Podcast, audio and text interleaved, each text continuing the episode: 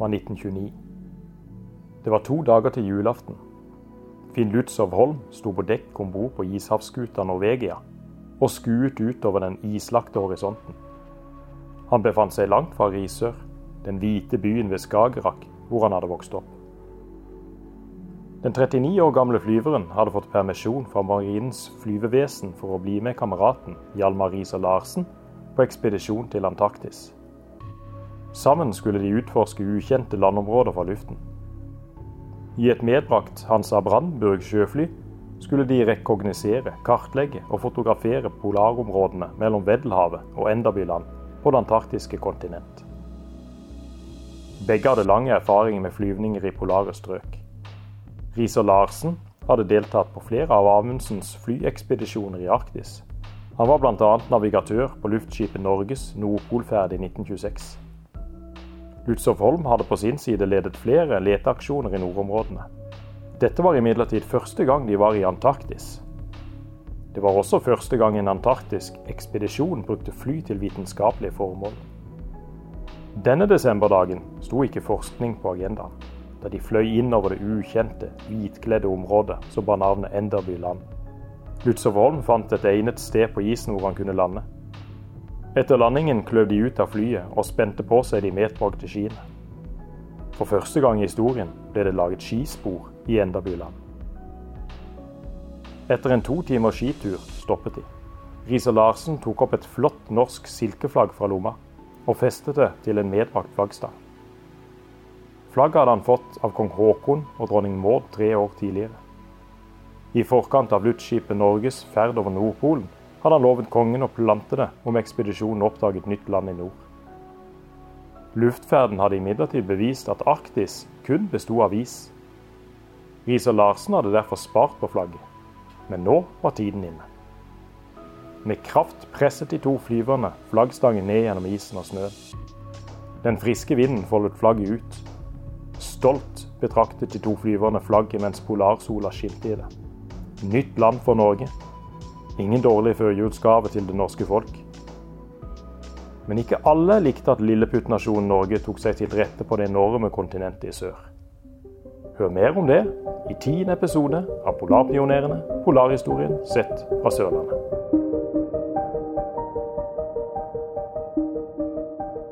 Norge har en lang og stolt historie som polarnasjon. Historiene om Nansen, Amundsen og polarskuta Fram står som bautaer i norsk polarhistorie. Også sørlendinger har gjort viktige bidrag i norsk og internasjonal polarhistorie. Denne podkasten, Polarpionerene, polarhistorien sett fra Sørlandet, ønsker å trekke disse historiene frem i lyset, og samtidig gi et innblikk i den fascinerende polarhistorien. Mitt navn er Gaute Christian Molhaug. Jeg er historiker og arbeider som arkivar og formidler ved Aust-Agder museum og arkiv. I denne episoden av Polarpionerene, polarhistorien sett fra Sørlandet, skal vi se nærmere på polarnasjonen Norges rolle i Antarktis fra mellomkrigstiden og frem til i dag. I episoden vil du få høre om setstølen Sigurd Helle, som tilbrakte hele tre sammenhengende år i Antarktis som leder for en norsk ekspedisjon i årene 1956 til 1960. Norge er en polarnasjon. Vi er det eneste landet i verden med territorier både i Arktis og i Antarktis. Dette skyldes i hovedsak tilfeldigheter og private initiativ. Da de herreløse områdene rundt polene ble annektert på begynnelsen av 1900-tallet, var Norge en ung lilleputtnasjon, både økonomisk og militært. Norge fulgte derfor en forsiktig utenrikspolitisk linje for å sikre norske interesser i polområdene.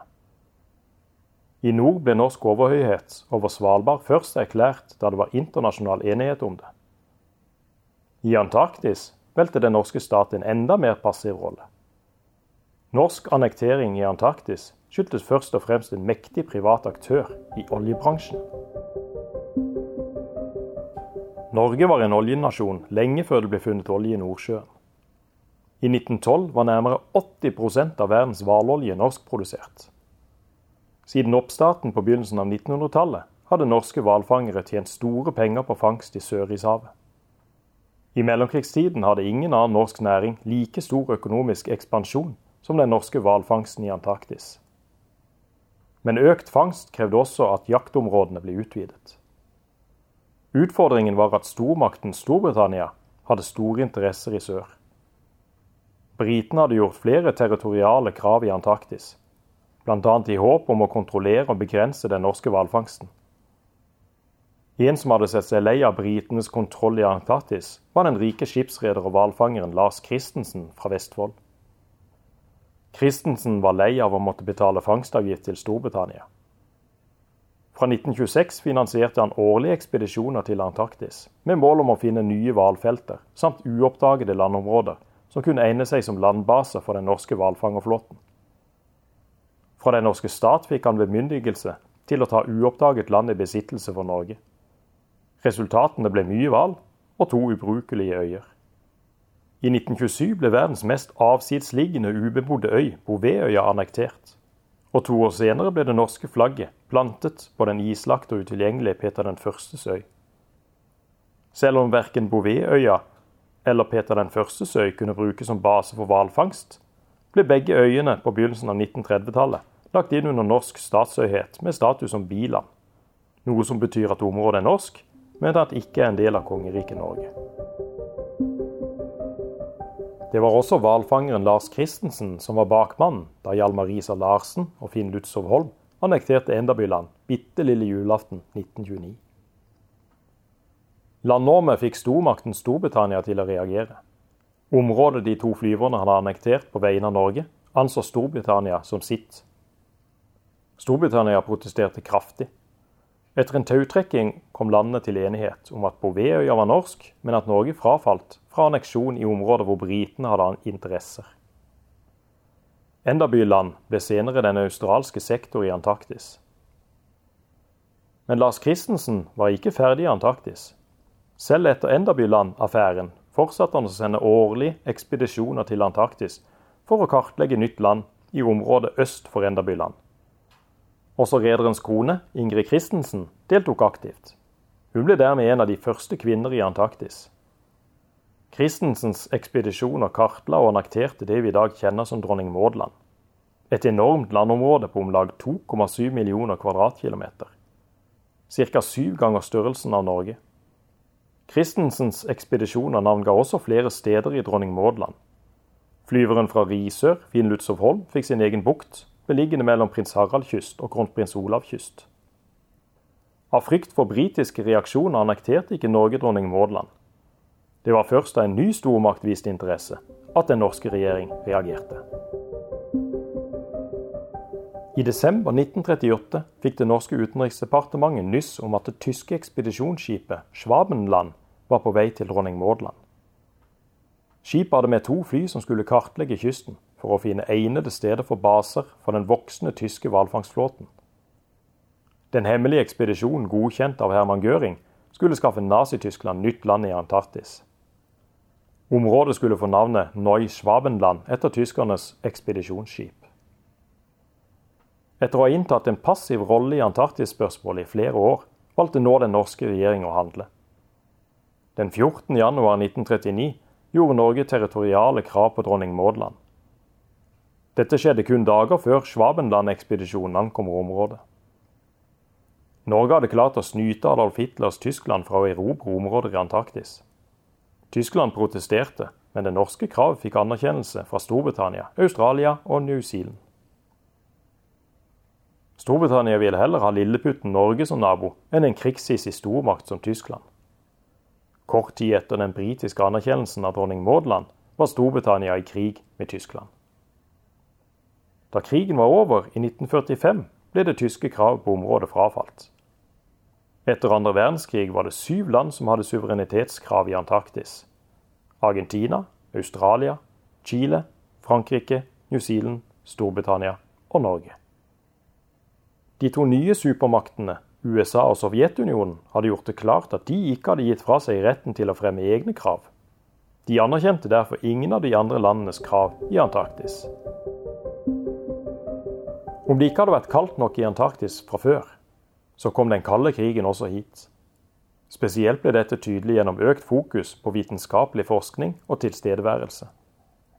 Etter andre verdenskrig etablerte flere land forskningsstasjoner i Antarktis. Det ble også sendt flere vitenskapelige ekspedisjoner sørover. Selv om Norge hadde nok med å gjenoppbygge land etter krigen, innså norske styresmakter at de måtte være til stede i Antarktis for å forsvare det norske krav på dronning Maudland. I 1949 ble en større ekspedisjon sendt til det norske Antarktis. Mårdheim-ekspedisjonen, som varte til 1952, var et norsk-svensk-britisk samarbeid. Norge hadde ikke penger til en helnorsk ekspedisjon. Norge stilte med ledelse og driftspersonell, mens vitenskapsmennene i all hovedsak var briter og svensker. I 1956 ble det igjen sendt en ny norsk overvintringsekspedisjon til dronning Maud Dette var den første helnorske ekspedisjon som overvintret i Antarktis siden Roald Amundsens sydpolekspedisjon i 1910-1912. Lederen for den norske Antarktisekspedisjonen var en sindig landmåler fra Setesdal. Sigurd Gunnarsson Helle ble født i 1920 og vokste opp i Hylestad i Setesdal. Familien arbeidet i det tradisjonelle sølvsmedyrket. Sigurd Helle valgte imidlertid skoleveien. Han gikk først på Hornes landsgymnas, før han flyttet til Oslo for å studere. Etter universitetseksamen i matematikk, astronomi og mekanikk ble han i 1949 ansatt som landmåler ved Norsk Polarinstitutt i Oslo. Instituttet skulle bli hans arbeidsplass til han gikk av med pensjon i 1987. Før Helle ble leder for Antarktisekspedisjonen i 1956, hadde han hatt flere sommerekspedisjoner til Svalbard og Jan Mayen. Setstølen var vel ansett i sitt fagmiljø. I forkant av ekspedisjonen skrev Helge Ingstad i Polarboken at Sigurd Helle var en dyktig leder. Ifølge Ingstad var Setstølen en mann som har alle betingelser for å føre ekspedisjonen fram til et gunstig resultat. Ingen dårlig attest fra en av Norges viktigste polarlegender. Selv om det var en vitenskapelig ekspedisjon, hadde den stor politisk betydning. Ekspedisjonen ble lagt inn for det internasjonale geofysiske året som gikk fra sommeren 1957 og ut 1958. Hvis Norge mente alvor med sitt krav på dronning Maudland, var det nødt til å vise tilstedeværelse på det antarktiske kontinent. Årets siste dag ankom 14 nordmenn og 42 grønlandshunder Antarktis. I tillegg til Setesdølen Helle var også andre sørlendinger med. Meteorolog Torgny Vinje og glasiolog Torbjørn Lunde, begge fra Mandal. Den første tiden brukte de på å frakte utstyr inn på isen. Hovedkvarteret til ekspedisjonen ble plassert på kronprinsesse Märthas kyst, i dronning Maud Basen fikk navnet Norway Station. Rundt stasjonen, som internt ble omtalt som Finnbull, ble det satt opp radiomaster, flere hytter og en hundegård. Den norske basen var en av om lag 50 forskningsbaser som ble opprettet i forbindelse med det internasjonale geofysiske året. Det var flere nasjoner enn Norge som ønsket å vise at de hadde interesser i Antarktis. I løpet av ekspedisjonen ble det samlet inn mye vitenskapelig data som omfattet meteorologiske, glasiologiske og geologiske undersøkelser. Den norske ekspedisjonen skulle i utgangspunktet avsluttes etter to år, men internasjonale forhandlinger om hvem som skulle ha eierskap over Antarktis, gjorde at ekspedisjonsmedlemmene på Norway Station ble spurt om de kunne bli igjen en vinter til. Fire av de 14 mennene sa seg villige. En av dem var ekspedisjonsleder Sigurd Helle. Ifølge de offisielle sakspapirene godtok setstølen tilbudet om forlengelse med takk. Historien vil ha det til at han hadde blitt sjøsyk på reisen til Antarktis to år tidligere, og at han gladelig utsatte hjemturen ett år til. Helle kom først hjem til Norge i januar 1960, etter tre overvintringer i Antarktis. Ved hjemkomsten ble ekspedisjonslederen intervjuet av avisen Nasjonen. Ifølge Helle hadde tiden gått fort, og han hadde ikke savnet noe, med unntak av fredagsmøtene i Bondeungdomslaget.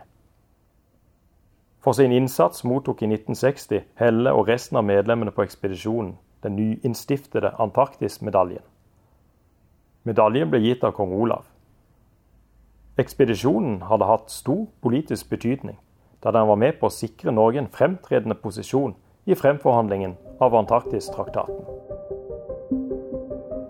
Omtrent samtidig med at Norway Station ble avviklet, ble Antarktistraktaten signert i Washington.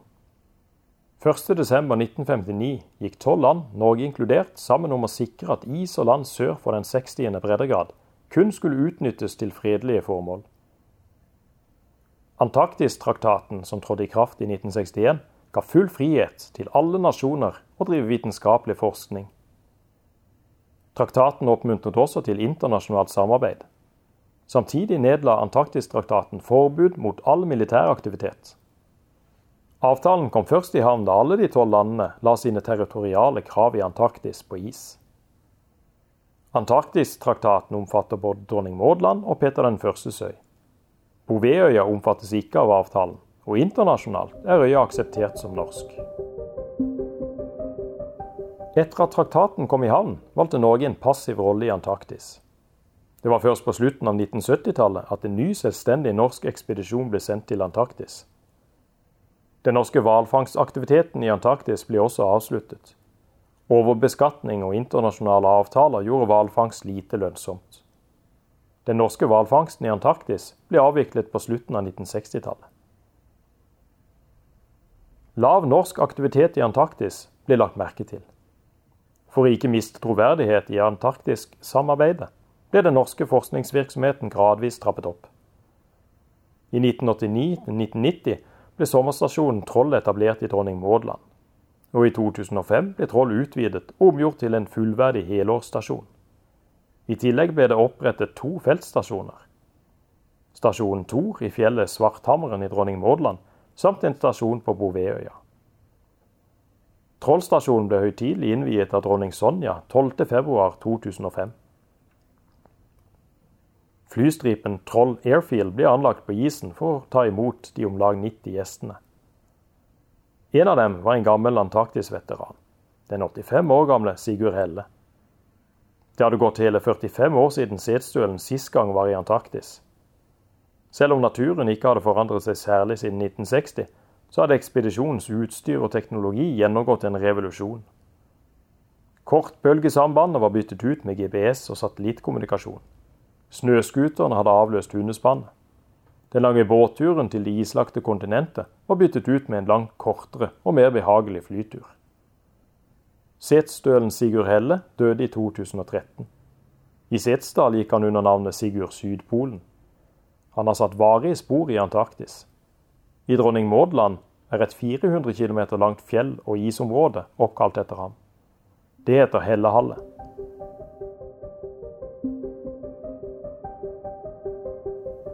I neste episode av Polarpionerene, polarhistorien sett fra Sørlandet, skal vi til Svalbard. Da skal du få høre om Svalbards første kvinnelige sysselmann, Ann Kristin Olsen fra Kristiansand. På gjenhør. Denne podkasten er produsert av Aust-Agder museum arkiv. Manuset til denne episoden er skrevet av min kollega Yngve Sjustad Christensen, og produsent er Christian Hauglund Isaksen. Hovedkildene som er brukt i denne episoden, er Hjalmar Riiser Larsens bok 'Mot ukjent land' fra 1930, Hans Martin Henriksens artikkel om den norske Antarktisekspedisjonen 1956-1960, og Hans Christian Erlandsens bok 'Kalde kyster og ukjent land' om den norske polarhistorien. Likte du det du hørte, kan jeg også anbefale podkasten 'De hvite seil', historier fra Sørlandets siste seilskutetid.